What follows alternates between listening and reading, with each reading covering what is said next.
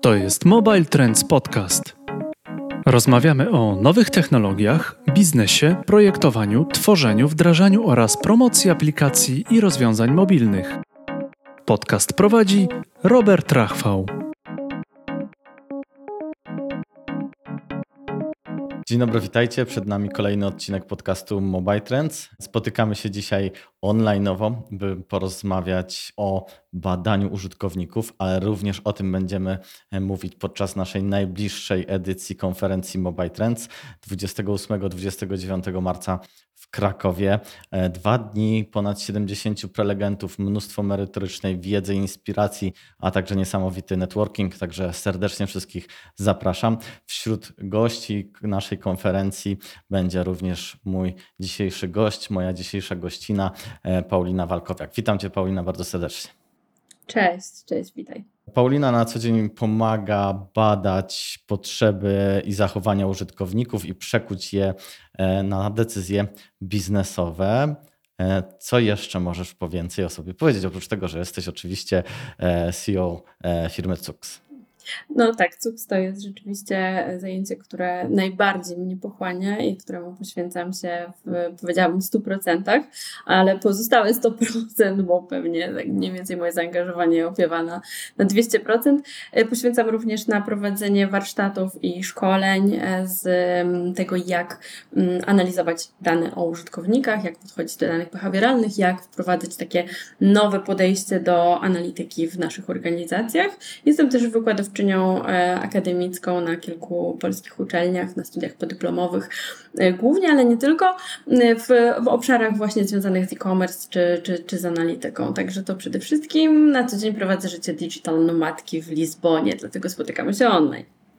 Dokładnie tak, ale na szczęście przyjdziesz do nas i fizycznie podczas konferencji będziesz, z czego mm, bardzo, bardzo się cieszę. Ja jeszcze tylko dopowiem, że również występowałaś na TEDxie. Występowałam na TEDxie rzeczywiście, opowiadałam tam z kolei o innym zakresie swojego jakby funkcjonowania na co dzień, czyli bycia mampreneur, bo fakt jest taki, że rzeczywiście oprócz tego, że prowadzę firmę, jestem też mamą i w sumie nie znam innego stanu, bo odkąd jestem mamą prowadzę firmę, odkąd prowadzę firmę jestem mamą, więc to były podobne początki w moim życiu. Czyli dwie połączone rzeczy, które ściśle w Twoim życiu Ci cały czas towarzyszą. Pytanie, które zadaję na początku każdej rozmowy. Pytanie o Twoje e, ulubione albo jakieś niespotykane e, aplikacje, które posiadasz lub miałaś okazję korzystać z nich w ostatnim czasie. Niespotykane masz na myśli? Mm. No, jakieś takie wyjątkowe albo takie, które Cię zaskoczyły czymś. Ja mam w swoim telefonie bardzo mało aplikacji i staram się naprawdę ograniczyć ich instalowanie do minimum, bo jak już mam moment taki, kiedy mm, no, nie muszę pracować i nie muszę być ani na telefonie, ani e, przy komputerze, to staram się jednak odrywać od wszystkich urządzeń. Więc jeśli chodzi o nietypowe, to chyba mapy CZ będą najbardziej nietypowe, które pozwalają wytyczać e, szlaki wędrówek. Mm, a jeśli chodzi o ulubione, to no Instagram, kurczę. Jest Instagram, który jest e, taką aplikacją, z której rzeczywiście bardzo często i tak dla przyjemności przede wszystkim, nie, nie przede wszystkim, dla przyjemności korzystam e, i łapię się na tym, że faktycznie jest to pewnie jakiś element uzależnienia już u mnie, także staram się mm, jakoś optymalizować czas spędzony na Instagramie. A w Instagramie bardziej wolisz tą wersję zdjęciową, czy tą taką, która mm, wydaje mi się, że ostatnio jest mocniej promowana, mhm. filmowa, reelsowa? Wiesz co, znaczy ja y, zakochałam się w Instagramie w momencie, kiedy to było faktycznie taki katalog pięknych y, obrazków i, i to jest coś, co, co tutaj mnie najbardziej przykuwa do tej aplikacji, e, więc y, bardzo, bardzo lubię właśnie dobry design i obserwuję też sporo kont z tym związanych, więc to przede wszystkim. Reelsy odkryłam w ogóle bardzo późno, bo to była gdzieś końcówka zeszłego roku, kiedy ja w ogóle dopiero odkryłam, że są Reelsy i można. Dużo się nasłuchałam też Natalii Hatalskiej, która opowiada o tym, że ta formuła Reelsów to trochę kokaina e, obecnych czasów, więc staram się jakoś tego unikać, chociaż nie ukrywam, że zdarza mi się podchodzić do tworzenia swoich też treści trochę inaczej i, i robić te Reelsy. Jest to, jest to trochę... Mm, jest to przyjemne, no więc, ale przede wszystkim zdjęcia, przede wszystkim zdjęcia, ładne obrazki, tak. Co jeszcze w tym temacie zapytam, czy e, korzystasz z TikToka i czy, czy często jesteś na Pinterestie?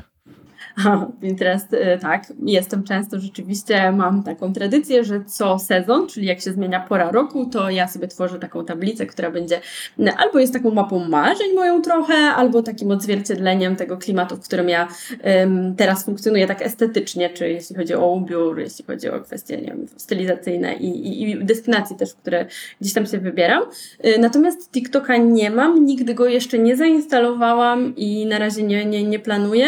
Widzę, ile czasu kradnie mojemu partnerowi, więc ostrożnie, ostrożnie. Mam ten Instagram, mam swoje uzależnienie, jakby wiesz. Każdy ma swój, swoją ulubioną, swój ulubiony rodzaj kawy, swoje używki, więc ja zostaję na razie przy Instagramie. jako klasyczny boomer. To powiedzmy teraz naszym widzom i słuchaczom, czym zajmuje się mm, Twoja firma, mm, co robicie na co dzień w Cux. Cuksie. Cuks, w Cuksie, tak. Um, no, my postawiliśmy sobie za punkt honoru i za cel i za misję to, żeby przybliżać naszym klientom zachowania ich użytkowników. Czyli żeby mieli szansę do tego, żeby na podstawie takich e, zachowań móc rozwijać swoje produkty cyfrowe, no bo mówimy tutaj oczywiście o, o świecie cyfrowym i o rozumieniu tego, jak zachowują się ludzie w świecie digital, tak żeby mogli jak najszybciej docierać do źródeł, które mogą być problematyczne na ścieżkach użytkowników i móc je rozwiązywać. Czyli w Cuksie mamy taką e, możliwość, żeby zderzać te nasze cele biznesowe z tym, w jakich celach nasi użytkownicy wchodzą Mm, do naszych produktów i móc sprawdzać, gdzie no, są pewne rozjazdy, gdzie użytkownicy utykają, gdzie czują się zagubieni, co, co nie działa, tak żeby jak najszybciej dojść do konkretnego rozwiązania, które pomoże taki problem wyeliminować, co oczywiście przekłada się nam na mm, nasze rezultaty biznesowe, czyli na to, jak wygląda, wygląda na przykład konwersja w naszych produktach, e, czy jak wygląda zaangażowanie naszych użytkowników, czy cokolwiek innego jest dla nas biznesowo ważne. Tak mówiąc najprościej, moglibyśmy powiedzieć, że jesteśmy aplikacją analityczną, która przybliża e, nam da dane o zachowaniach użytkowników. Ja wiem, że ta analityka trochę mm, może przerażać. Niektórzy faktycznie czują się onieśmieleni nią, więc ja raczej lubię o nas mówić jako mm, o narzędziu, które służy rozwiązywaniu konkretnych konkretnych problemów i jak najszybszym docieraniu do źródeł tych problemów i sposobów ich, ich rozwiązań, bo nie trzeba być asym analitycznym, żeby korzystać z Tuxa. Czy macie wspólnego z Hotjarem? Takim innym narzędziem, które analizuje zachowania użytkowników. E, tak, wiesz co, mały wycinek tego, co my robimy, to jest e, faktycznie to, co, co robi Hotjar. Jak my wchodziliśmy na rynek, to chyba Hotjar był takim najbardziej znanym właściwie nie wiem, czy nie, no jedynym nie, bo były inne narzędzia, ale w ogóle się o nich nie mówiło. Mm, no i rzeczywiście bywaliśmy nazywani polskim Hotjarem e, i to było pewnie w tamtym momencie uzasadnione, bo te tam trzy, ponad 3 lata temu, kiedy myśmy wchodzili na rynek, rzeczywiście byliśmy bardzo takim, było nam blisko o, do tego typu analityki, czyli faktycznie pokazywaliśmy nagrania, pokazywaliśmy hitmapy. Natomiast dość szybko, zderzając się z rynkiem, zorientowaliśmy się, że nikt nie ma na to czasu, żeby oglądać te nagrania, że y, jest też problem ze zrozumieniem takim, wiesz, od strony metodologicznej, na co ja właściwie powinienem patrzeć, na podstawie których danych ja mogę podejmować jakiekolwiek decyzje biznesowe. Stąd poszliśmy w stronę automatyzacji i dostarczania właśnie takiego szerszego obrazu e, o tym, co dzieje się e, u naszych użytkowników, e, właśnie, żeby znajdować te rozwiązania potencjalnych problemów. Więc tak, z Hotjarem mamy wspólnego tyle, że u nas też finalnie możesz zobaczyć nagrania i hitmapy, ale to nie nagrania i hitmapy są tym, na czym powinieneś się głównie skupiać. My mm, jakby dajemy możliwość ustawienia Twojego celu biznesowego i przefiltrowujemy, preanalizujemy dane w kontekście tego, jak to wygląda po stronie użytkownika. Czy ten użytkownik realnie realizuje ten cel, czy ma po drodze jakieś problemy, mm, co tam się konkretnie dzieje, gdzie, na co powinieneś zwrócić uwagę, żeby więcej osób do tego celu e, faktycznie dochodziło. Więc mamy tą warstwę ilościową i jakościową, więc jakbym miała tak powiedzieć, wiesz, najprościej dla kogoś, kto kompletnie nie wie, z czym to się je, to to jest taka trochę hybryda tego, co możemy dostać, czy z czego najczęściej korzystamy w Google Analyticsie, i właśnie finalnie w Hotjarze, tak żeby dojść do tego konkretnego e, rozwiązania. Więc staramy się eliminować szumy komunikacyjne, które często w tym procesie analitycznym się pojawiają i staramy się mm, pokazywać to, co sami widzimy, bo, bo też rozwijamy właśnie biznes digital. Staramy się zwracać uwagę na to, co jest najważniejsze. Wiesz, żeby to nie była tylko taka sztuka dla sztuki, czyli poprawa na przykład UX-a bo nam się tak wydaje, że powinniśmy tutaj pogłaskać naszych klientów, tylko poprawa UX-a w służbie poprawy y, parametrów biznesowych naszych projektów, tak mówiąc bardzo mm, profesjonalnie. Mm, no właśnie, więc tak to, tak to mniej więcej wygląda. To jeśli nie nagrania, e, nie hitmapy, to na jakie dane powinniśmy najbardziej zwracać uwagę? Jakie dane wy jesteście w stanie zbierać? Czy można Was również zainstalować, wdrożyć w aplikacjach mobilnych? Czy użytkownicy, którzy korzystają z aplikacji mobilnych, również mogą być analizowani, ich zachowania? Mhm. dobra, to zaczynając od samego początku, a właściwie od końca, czyli czy możemy być wdrażani w aplikacjach mobilnych. Nie, CUX działa dla aplikacji, które są otwierane w przeglądarkach. Oczywiście te przeglądarki mogą być otwierane na urządzeniach mobilnych, natomiast jeśli chodzi o takie typowe aplikacje natywne, mm, to tutaj e, CUX nie znajdzie zastosowania. To jest zupełnie inna technologia, są do tego inne narzędzia, mm, więc mm, tutaj zachęcam do, do, do, skorzystania na przykład z UX-Cam. Natomiast jeśli chodzi o nas, to y, u nas jesteśmy w stanie faktycznie dostać informacje, z jakich urządzeń nasi użytkownicy korzystają w kontekście przeglądania stron internetowych, czyli wszędzie tam, gdzie jest możliwe otwarcie przeglądarki, my jesteśmy w stanie sprawdzić, jak z tej przeglądarki w kontekście naszego produktu użytkownicy korzystają. I tutaj mam na myśli nie tylko desktopy, mm, urządzenia mobilne czy tablety, ale również zegarki, lodówki, samochody i wszelkiego typu inne e, i, i innego rodzaju mm, urządzenia. Właśnie. E, więc o, e, mamy bardzo, takie... bardzo ciekawy temat. Musimy do tego wrócić. Tak, no na pewno do tego wrócimy urządzeń. jeszcze nie, nie raz, myślę, bo tutaj kontekst w ogóle naszego spotkania mm, od tego się zaczął. Myślę, że nie, nie, nie, nie musimy tego ukrywać i będę o tym też więcej mówić e, podczas konferencji na koniec marca, więc bardzo serdecznie zapraszam. Będę mieć konkretne case'y właśnie na, na, w tym temacie. Ale wracając do tego, co jeszcze w ogóle z Suxa można wyciągnąć, to to mogą być takie bardzo podstawowe dane właśnie o urządzeniach, przeglądarkach, systemach operacyjnych, czyli takie, które potencjalnie pozwolą nam zdiagnozować, czy gdzieś od strony technicznej występuje jakiś problem. No i tu pewnie nikogo nie zaskoczę mówiąc, że jednak kanał mobilny często mm, jest duża dysproporcja pomiędzy tym, że mamy bardzo duży ruch z urządzeń mobilnych, mm, ale jednak konwersja dzieje się na urządzeniach mm, takich jak właśnie chociażby nasze desktopy czy, czy, czy, tak, właśnie komputery mm, szeroko pojęte. CUKS ma służyć temu, żebyś jak najszybciej mógł zobaczyć, którym obszarze potencjalnie mogą występować problemy i mógł stopniowo pogłębiać taką wiedzę. Czyli jeśli widzisz, że jest dysproporcja pomiędzy mobilem, tym takim ogółem ruchu, a tym, jak wygląda konwersja z danego kanału, to fajnie byłoby wejść głębiej i zobaczyć, jak wyglądają ścieżki, ogólnie rzecz ujmując, dla klientów z urządzeń mobilnych, skąd oni przychodzą, e, gdzie lądują u nas na stronie, jak wygląda ta ścieżka, gdzie się gubią, gdzie utykają, czy mamy jakieś wzorce zachowań, które mogą świadczyć o ich frustracji, o ich zagubieniu. Mm, zbieramy i również nasze algorytmy agregują takie wzorce zachowań właśnie dlatego, żeby ułatwić cały ten proces mm, analizy, ale też mamy możliwość zobaczenia hitmapy dla urządzeń mobilnych łącznie z wyszczególnieniem rage clicków czy zoomowań, kiedy coś jest nieczytelne. Mm, no i oczywiście nagrania, czyli zobaczenie konkretnych sytuacji, co się dzieje po stronie naszego użytkownika, że on nie jest w stanie sfinalizować na przykład zakupu. Bardzo częste problemy, które my widzimy, obserwujemy, to jest na przykład problemy z mm, odklikiwaniem checkboxów przy zgodach marketingowych, są bardzo często ustawione zbyt blisko krawędzi ekranu, albo użytkownik zbyt szybko chce je kliknąć, a nie zauważył, że tam w tym procesie jeszcze są jakieś kroki do, do zrealizowania realizowania. Mamy też e, często jeszcze niestety do czynienia z zoomowaniem, czy jesteśmy w stanie zaobserwować, że nasi użytkownicy muszą zmieniać orientację telefonu, bo na przykład nie wszystko im się ładuje, albo nie wiem, pop-up o e, cookiesach zasłania im cały ekran, nie są w stanie dojrzeć um, całości treści, którą dla nich przygotowaliśmy.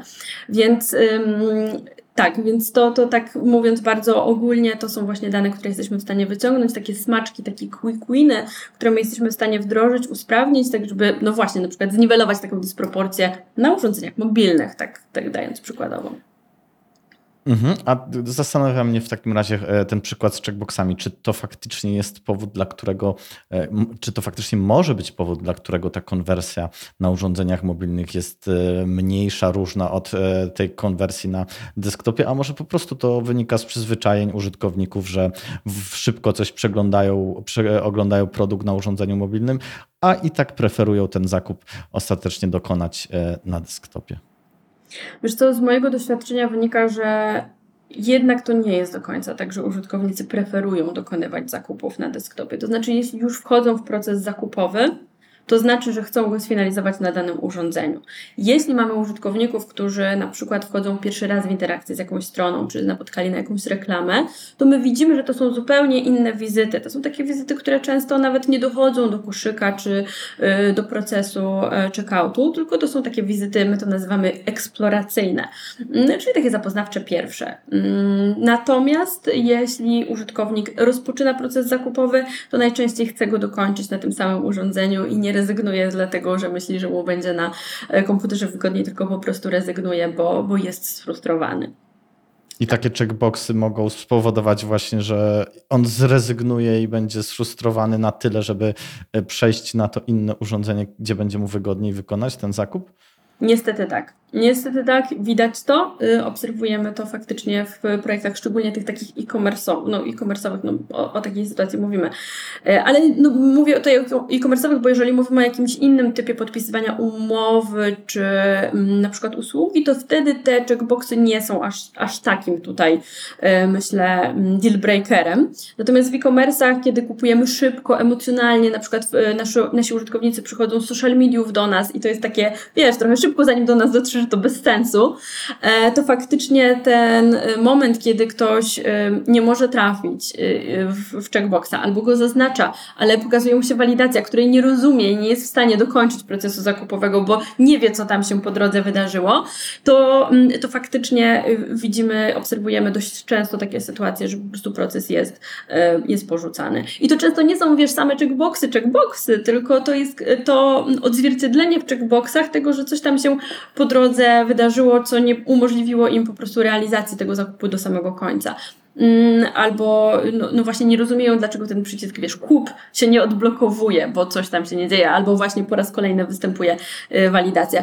Znamy przypadki, gdzie faktycznie konwersja po samym odsunięciu checkboxów od krawędzi ekranu szybowała w górę co najmniej o, o, o kilkanaście procent w, w projektach naszych klientów, więc tak, warto na to zwrócić to faktycznie, uwagę. faktycznie dobry wynik. A jakiś taki największy, największy sukces, którym możesz się pochwalić, że po zasugerowanych zmianach konwersja wzrosła o? Mm, wiesz to taki case, którego często używamy, bo wydaje nam się, że jest taki dość kompleksowy, to jest sytuacja, kiedy nasz klient z branży architektonicznej, ogólnie sobie to tak nazwijmy, w momencie, kiedy już zaczął na rynek e, mieć taki, wiesz, lekki przestój, zaczęło to faktycznie trochę spowalniać, czyli mówimy o dość wczesnej, aktualnej sytuacji, mm, widział, że jeżeli jakieś zmiany nie zostaną dokonane w w ramach w ogóle całego serwisu, to ta konwersja może wręcz maleć, e, a nie tylko utrzymywać się na podobnym poziomie. I e, wykorzystując właśnie takie drobne zmiany, wykorzystując też badanie, my to nazywamy badaniem pulsu użytkowników, czyli faktycznie sprawdzanie, czego oni w danej teraz sytuacji konkretnej szukają, e, na co zwracają uwagę, co jest dla nich istotne, wyłapywanie takich możliwości i marketingowych, i produktowych, i sprzedażowych, tak ogólnie, Mimo tego, że na rynku e, właśnie był kryzys, byli w stanie w 3 miesiące zwiększyć konwersję o 75%, co się wyrażało w jakichś tam e, ułamkach procent u nich tak naprawdę, bo mówimy o bardzo, bardzo dużym ruchu e, tutaj. Natomiast ta konwersja tak szybko licząc przekładała się na setki tysięcy złotych zysku. Więc to był naprawdę dla nas bardzo spektakularny też przykład, szczególnie, że to jest klient z bardzo długim stażem na rynku mm, i do tej pory raczej nie rozwijał się w taki agile'owy, zwinny e, sposób i zmiana tego myślenia naprawdę pokazała naszemu klientowi, że, że te zmiany są, są możliwe, są na wyciągnięcie ręki i wcale nie trzeba jakichś wielkich inwestycji. To jest też ważne, że mm, te zmiany, które wykrywamy często w ogóle nie są jakby bardzo kosztowne od strony technologicznej, od strony zmian, które trzeba wprowadzać, bo no z założenia mają być tymi queenami właśnie. Mm, więc ta inwestycja po stronie klienta dodatkowa, oprócz samej analityki, e, była tak naprawdę no, na minimalnym poziomie. Nie powiem, że jej zupełnie nie było, no bo zmiany musiały być wprowadzone. To jakby z każdą analityką tak jest, że dopóki nie wprowadzimy zmian, dopóki nie podejmiemy akcji, no to nie ma co liczyć na wyniki, prawda? Samo zainstalowanie Analytics nam konwersji nie zmieni. Mm, no ale tutaj rzeczywiście e, ten, ten wynik był spektakularny a to jest taka ciągła i systematyczna e, praca, czy można to zrobić w jakimś określonym czasie, w zakresie e, zadań, że wy tam analizujecie te zachowania przez e, powiedzmy miesiąc, dwa, pół roku, określacie zmiany do realizacji i po wdrożeniu jakby wasza praca się kończy? Wszystko zależy od etapu, na którym znajduje się nasz klient tak naprawdę. To znaczy najlepsze wyniki w projektach, które żyją i które się rozwijają, osiągamy wtedy, kiedy faktycznie miesiąc w miesiąc pracujemy na danym, e, na, na, na, na narzędziu, na danych i wprowadzamy te zmiany e, stale. Natomiast jeśli mamy klientów, którzy wiesz, nigdy z analityki nie korzystali i chcą w ogóle zacząć i chcą wprowadzić jakiś zestaw zmian, który faktycznie jakby trochę powiedziałabym, uwspółcześni ich produkt, dostosuje go do obecnej sytuacji na rynku, no to wtedy często te takie duże, spektakularne zmiany występują w ciągu tych powiedzmy pierwszych trzech miesięcy. Natomiast jeżeli je wprowadzimy, no to musimy się liczyć z tym, że one po kolejnych trzech miesiącach najprawdopodobniej się już przeterminują, więc trzeba znowu e, analizować, sprawdzać. Ważne moim zdaniem jest tutaj też taki, taka zmiana myślenia, to znaczy, żebyśmy nie myśleli o tych danych z takich narzędzi jak CUX, tylko jako szans dla nas do, mm, do szlifowania naszego, mm, naszej warstwy takiej UI-owej, e, związanej też z doświadczeniami właśnie z UX-em użytkowników, mm, z UX-em użytkowników, masło myślane mi wyszło, z doświadczeniami użytkowników, tylko żeby o tym myśleć też jako o wykrywaniu szans w kontekście komunikacji marketingowej, w kontekście tego właśnie, mm, jakie potrzeby użytkowników będziemy adresować i na jakie ich potrzeby my w tym momencie jako marka będziemy najbardziej mm, odpowiadać. Więc y, można sporo zrobić w takim, powiedzmy, cyklicznym, ad hocowym projekcie, ale musimy się liczyć z tym, że ta stała współpraca będzie nam przynosiła y, najlepsze efekty. No i tutaj, jeśli chodzi o pewnie też Mm, pytanie, często, które często się pojawia, to jest jak, jak dużo czasu potrzebujemy, żeby zobaczyć jakieś efekty. Oczywiście to zależy, zależy przede wszystkim od tego, kiedy zostaną wdrożone jakieś zmiany. Mm, ale jeśli chodzi o analitykę, to zazwyczaj taki y, czas, który jest nam potrzebny do tego, żeby zebrać dane, to jest około dwóch tygodni, tak uśredniając. W projektach o mniejszym ruchu to będzie bardziej miesiąc, takich o większym, no to te dwa tygodnie są już takim okresem, z którego spokojnie możemy wnioskować i wyciągać jakieś konkretne decyzje właśnie biznesowe. Mm, no i później, jeśli chodzi o wprowadzenie zmian, no to zakładając, że to mają być szybkie, drobne, proste zmiany, to jesteśmy w stanie w ciągu jednego miesiąca już zaobserwować e, konkretne rezultaty ciągu trzech miesięcy jesteśmy w stanie naprawdę uzyskać super rezultaty. Takie, które będą faktycznie widoczne z każdego poziomu tak naprawdę biznesu. No a jeśli będziemy to robić stale, no to właśnie z jednej strony, wiesz, mamy tą, ten poziom takiego utrzymania się i dostosowania do sytuacji na rynku, no i z drugiej strony jakby takiego stałego monitorowania tego, co, co dzieje się po stronie użytkowników i też wyciągania insightów, które pomogą nam budować bardziej innowacyjne produkty, bo to jest też to, że oprócz tych takich kropeczek które, i zmian, tych drobnych, które wprowadzamy w projektach, gdzieś tam jest ten etap insightów. Te insighty nie biorą się znikąd, tylko biorą się ze stałej obserwacji tego, co robią użytkownicy i czasami potrzebują dojrzeć. No jeśli mamy cały czas rękę na pulsie, to te insighty faktycznie są w stanie nabrać super mocy i bywa, że klienci nawet są w stanie y, zmieniać w jakiś sposób swoje modele biznesowe na podstawie właśnie takich danych, czy na przykład decydować się na wydevelopowanie klienta desktopowego dla swojej aplikacji, bo widzą, jak bardzo potrzebują użytkownicy pracować w kontekście. Mam na myśli tutaj jeden z portali finansowych, który zdecydował się właśnie wydevelopować takiego, taki program do rozliczania podatków właśnie desktopowo na podstawie takich danych, nie? Więc Tak. Tak to Czyli potrzeby użytkowników ciągle się zmieniają, e, dynamicznie można by e, wręcz powiedzieć i jakby takie badania e, powinniśmy prowadzić cały czas cyklicznie, nieustannie. Tak. A co w przypadku, kiedy klient niekoniecznie jest chętny na takie badania, jak go przekonać do tego? Wiesz co, wydaje mi się, że z mojej perspektywy najlepszym argumentem jest pokazanie przykładów, gdzie faktycznie mm, takie wyniki czy takie analizy przełożyły się na pieniądze po prostu. E, albo też, jeżeli nie mamy możliwości tutaj pokazania jakichś benchmarków, pokazanie, y, ile tracimy w obecnej sytuacji. Nieczęsto dotarcie do wykrycia właśnie jakiegoś problemu, pokazanie, gdzie ten problem występuje i oszacowanie skali, ilu klientów tracimy E, będzie tutaj najlepszym, mm, najlepszym takim przykładem pokazującym, że słuchaj, jeżeli tu wprowadzimy tę i tę zmianę, która będzie kosztowała tyle i tyle, plus będziemy to monitorować narzędziem, które kosztuje tyle i tyle, no to faktycznie jesteśmy w stanie oszczędzić często dziesiątki albo nawet setki tysięcy złotych. Ja pracuję głównie z średnimi i dużymi klientami, więc tutaj te faktycznie setki, setki tysięcy gdzieś tam wchodzą w grę, ale nawet jeśli to są, wiesz, e, tysiące złotych, to, to często to jest e, oszczędność e, naprawdę dużo większa niż mielibyśmy na przykład, nie wiem, zatrudnić osobę od analityki u nas. Korzystanie z takiego narzędzia właśnie. Rozumiem. Wspomniałaś e, na początku naszej rozmowy o tym, że analizujecie zachowania użytkowników wszędzie tam, gdzie da się wyświetlić e, przeglądarkę internetową i są to nie tylko urządzenia typu smartfon, tablet czy e, potocznie mówiąc desktop. Na jakich jeszcze innych dziwnych, niespotykanych urządzeniach użytkownicy korzystają z internetu, co więcej robią zakupy? No, ciężko mi sobie wyobrazić, że na smartwatchu, które to gdzieś tu też padło, a może jednak.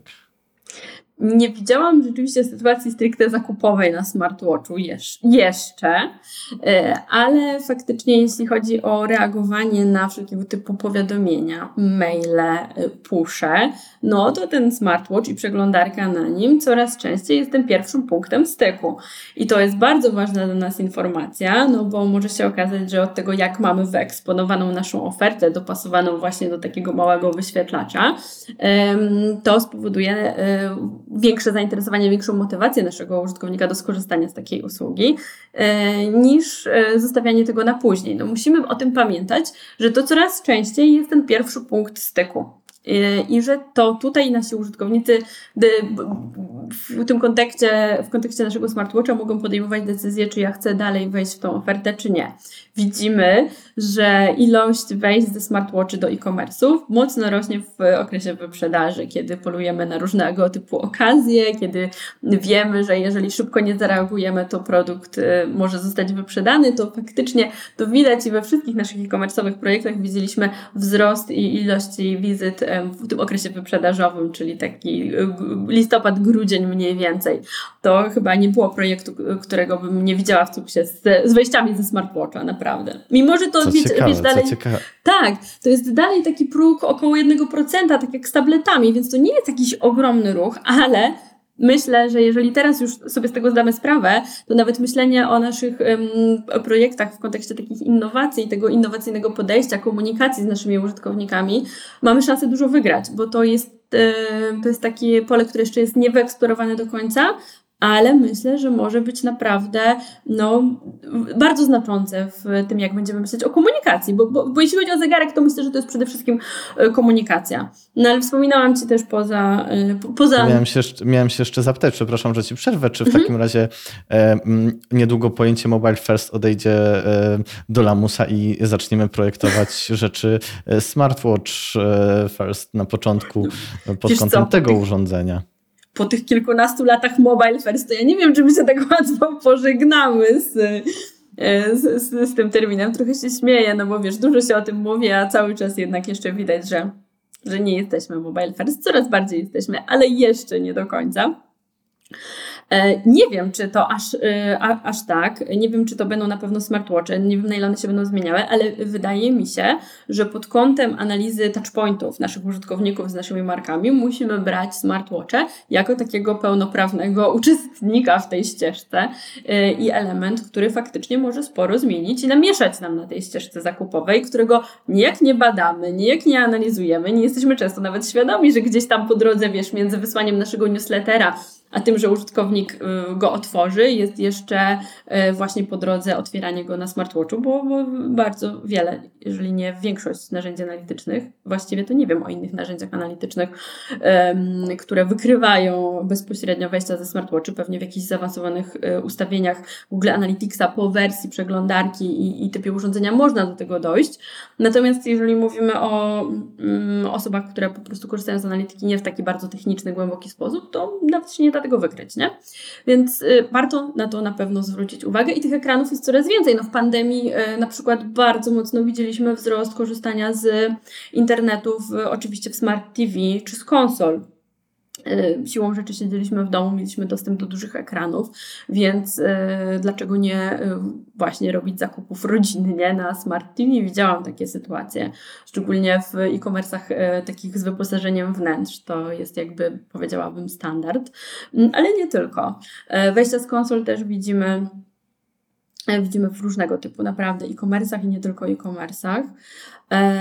A jeśli chodzi jeszcze o smartwatchy, to też zauważyłam, że oprócz tej, e, tego kontekstu stricte zakupowego, to też e, kontekst biznesowy tutaj coraz częściej się pojawia. Czyli jeśli na przykład um, jesteśmy architektem, który pokazuje jakieś, nie wiem, albo dostaje powiadomienia o jakichś projektach, czy jakichś różnego typu um,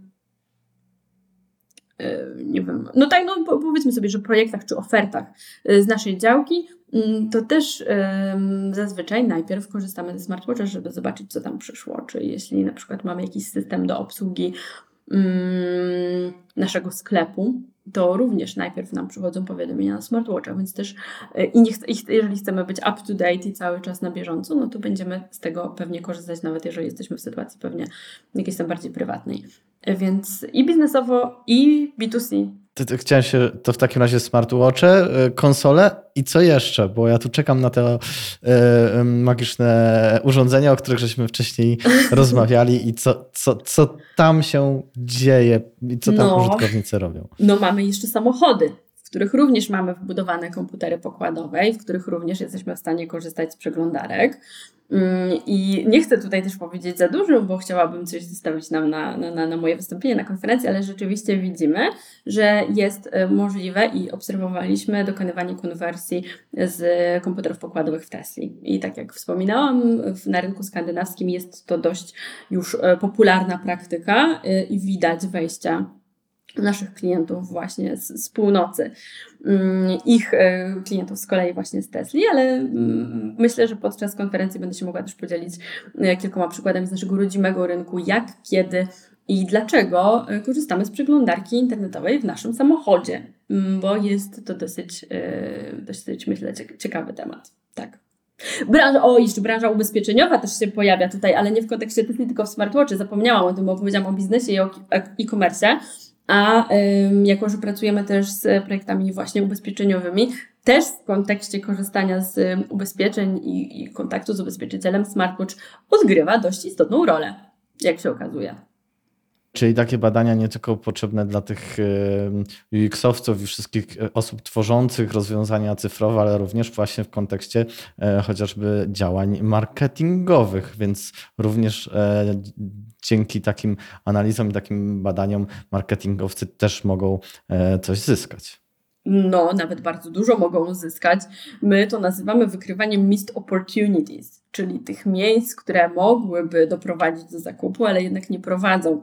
E, sytuacje, w których nasi użytkownicy, wiesz, klikają w jakieś loga, które są tylko pokazane na stronie jako ozdobnik, a jednak są dla nich istotną marką, na przykład, która jest naszym, nie wiem, partnerem albo ma jakąś specjalną ofertę u nas w sklepie czy w marketplace to rzeczywiście często są takie sytuacje. Sprawdzanie też, czego wyszukują nasi użytkownicy, jakie słowa kluczowe w naszych w tekstach, które im proponujemy, ich interesują. To jest kopalnia wiedzy dla, dla marketingowców e, i oni są w stanie tutaj naprawdę y, dużo. Um, dużo wniosków dla siebie wyciągnąć też pod kątem tego, co powinno zostać wyciągnięte przed nawias, czyli e, z czym klient nie powinien się zderzać na etapie samej strony internetowej, ale jeszcze wcześniej. Widać na przykład bardzo fajnie to, że jeżeli są umieszczone na stronach różnego rodzaju e, filmiki, wideo, e, to użytkownicy się nimi interesują, ale często w kontekście takich właśnie tych wizyt eksploracyjnych. I widać na przykład, mamy takie projekty, w których faktycznie obejrzenie jakiegoś wideo, które jest na przykład explainerem, y, albo prezentuje w detalach jakąś ofertę, faktycznie zwiększa szanse na y, zakup takiego użytkownika. Natomiast zobacz, ile tam się musiało jeszcze wcześniej zadziać, żeby ten użytkownik w ogóle wszedł na tą stronę i przyszedł do tego zakupu i to znowu jest wydłużanie całego procesu, bo najczęściej to się nie dzieje w ramach jednej wizyty. I teraz jeśli taki marketingowiec zaobserwuje, jak to wygląda, które filmiki na przykład, które, jakie wideo u niego na stronie jest, cieszy się większym większym zainteresowaniem, to może to wyciągnąć do komunikacji marketingowej, wykorzystać wcześniej i w ten sposób pozyskać klienta, który już przychodzi z wyższą motywacją i prawdopodobnie szybciej, w, krótszy, w, w, w efekcie krótszej ścieżki będzie w stanie dokonać um, zakupu.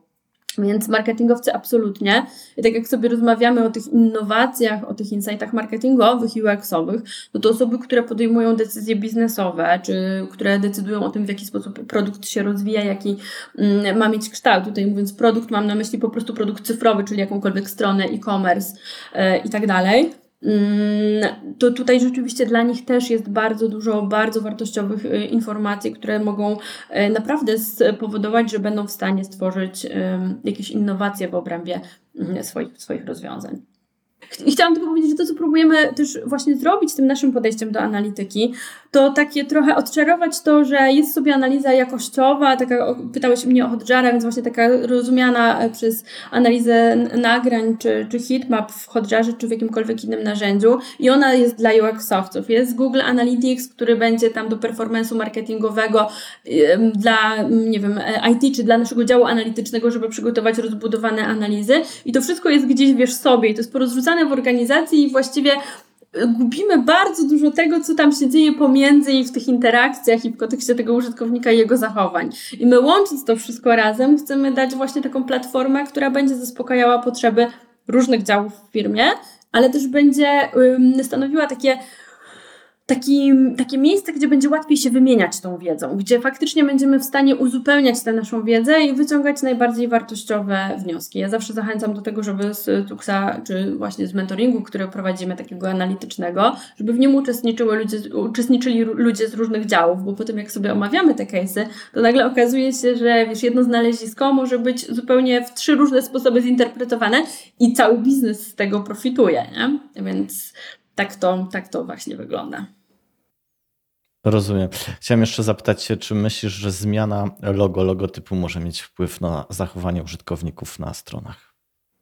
Wiesz co, szczerze Ci powiem, e, że nie wiem tego do, y, dokładnie. Nie widziałam takich przypadków. Wiem oczywiście, że ludzie nie lubią zmian i zmiana szaty graficznej może powodować zagubienie u nich, ale czy samego logotypu nie jestem przekonana, szczerze, szczerze Widziałem e, taki, e, taką grafikę, wzrost e, wyszukiwań w Google słowa auto KN, odkąd pojawił się nowy logotyp Kia.